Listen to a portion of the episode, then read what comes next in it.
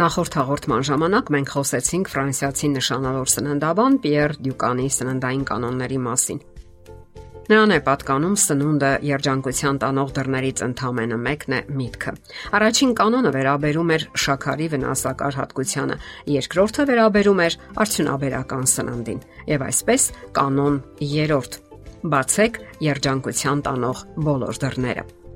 Նշանավոր սննդաբանը խոսելով մարդկային հոգեկան եւ ֆիզիկական հիվանդությունների մասին գրում է, որ իր բժշկական պրակտիկայում բազմաթիվ անգամներ շփվելով մարդկանց հետ այն եզրակացությանն է եկել, որ մարդկային հիմնախնդիրների զգալի մասը այնքան էլ կապված չէ ավելորդ քաշի հետ։ Դրանց արմատները այլ տեղում են գտնվում։ Գոյություն ունեն երջանկության, հոգեկան հավասարակշռության տանող տասնյակ դռներ, իսկ սնունդը դրանցից ընդամենը մեկն է, ինչպես նշեցինք։ Եթե դրանց մեծ մասը փակ է, ապա մարդիկ սկսում են մխիթարվել միայն սննդով։ Սննդաբանությունը դառնում է նրանց կյանքի համարյա ամենակարևոր կետերից մեկը։ Եվ բժշկի կամ բժշկագիտության առաջադրանքն այն է, որ կարողանա վերլուծել ու բացահայտել, թե որ դռներն են փակ ձեզ համար, որpիսի կարողանա բացել այդ դռները։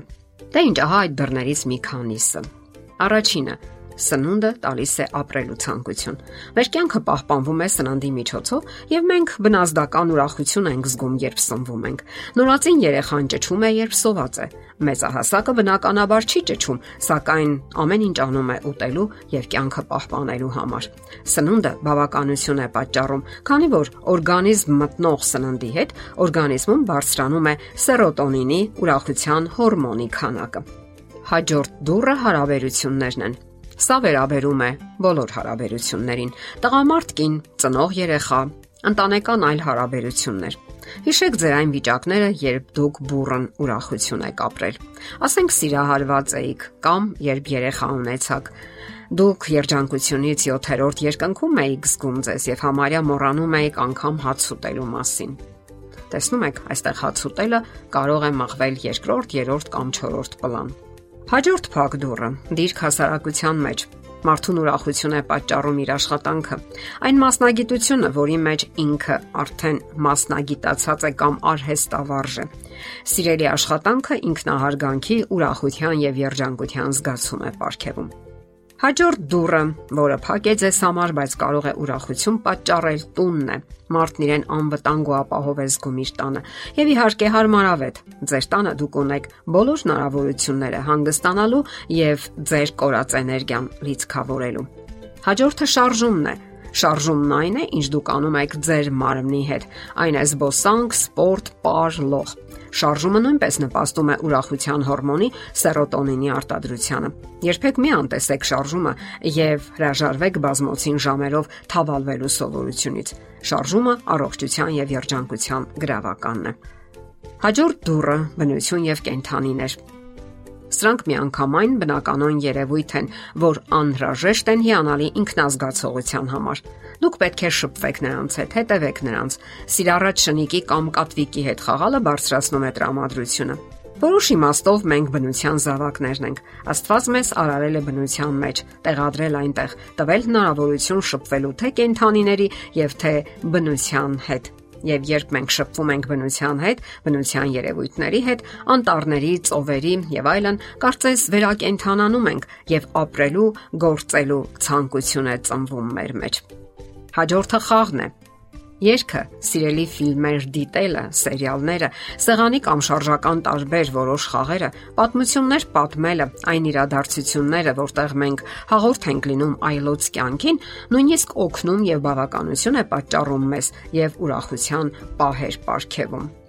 որևէ խմբին պատկանելը եւս կարող է բացել ուրախության դուռը։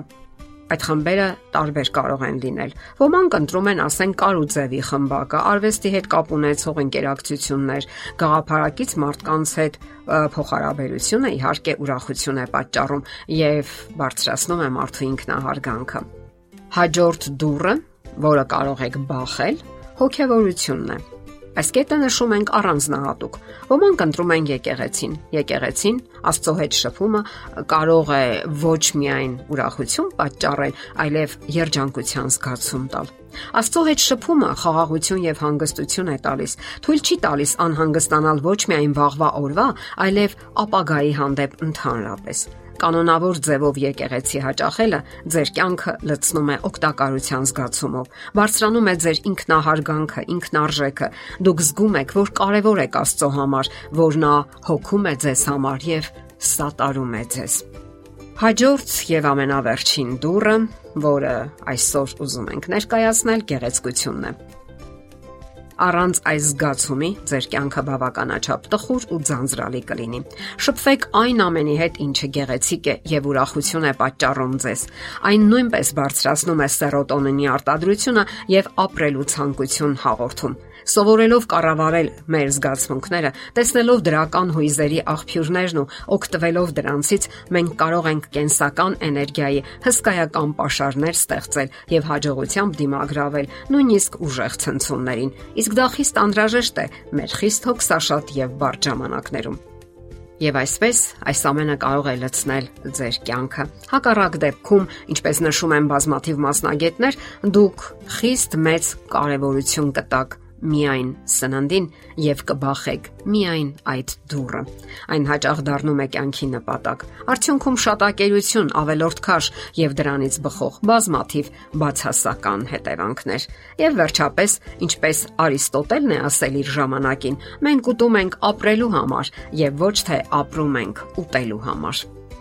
Եթերում առողջ ապրելակերպ հաղորդաշարներ։ Հարցերի եւ առաջարկությունների համար զանգահարել 033 87 87 87 հեռախոսահամարով։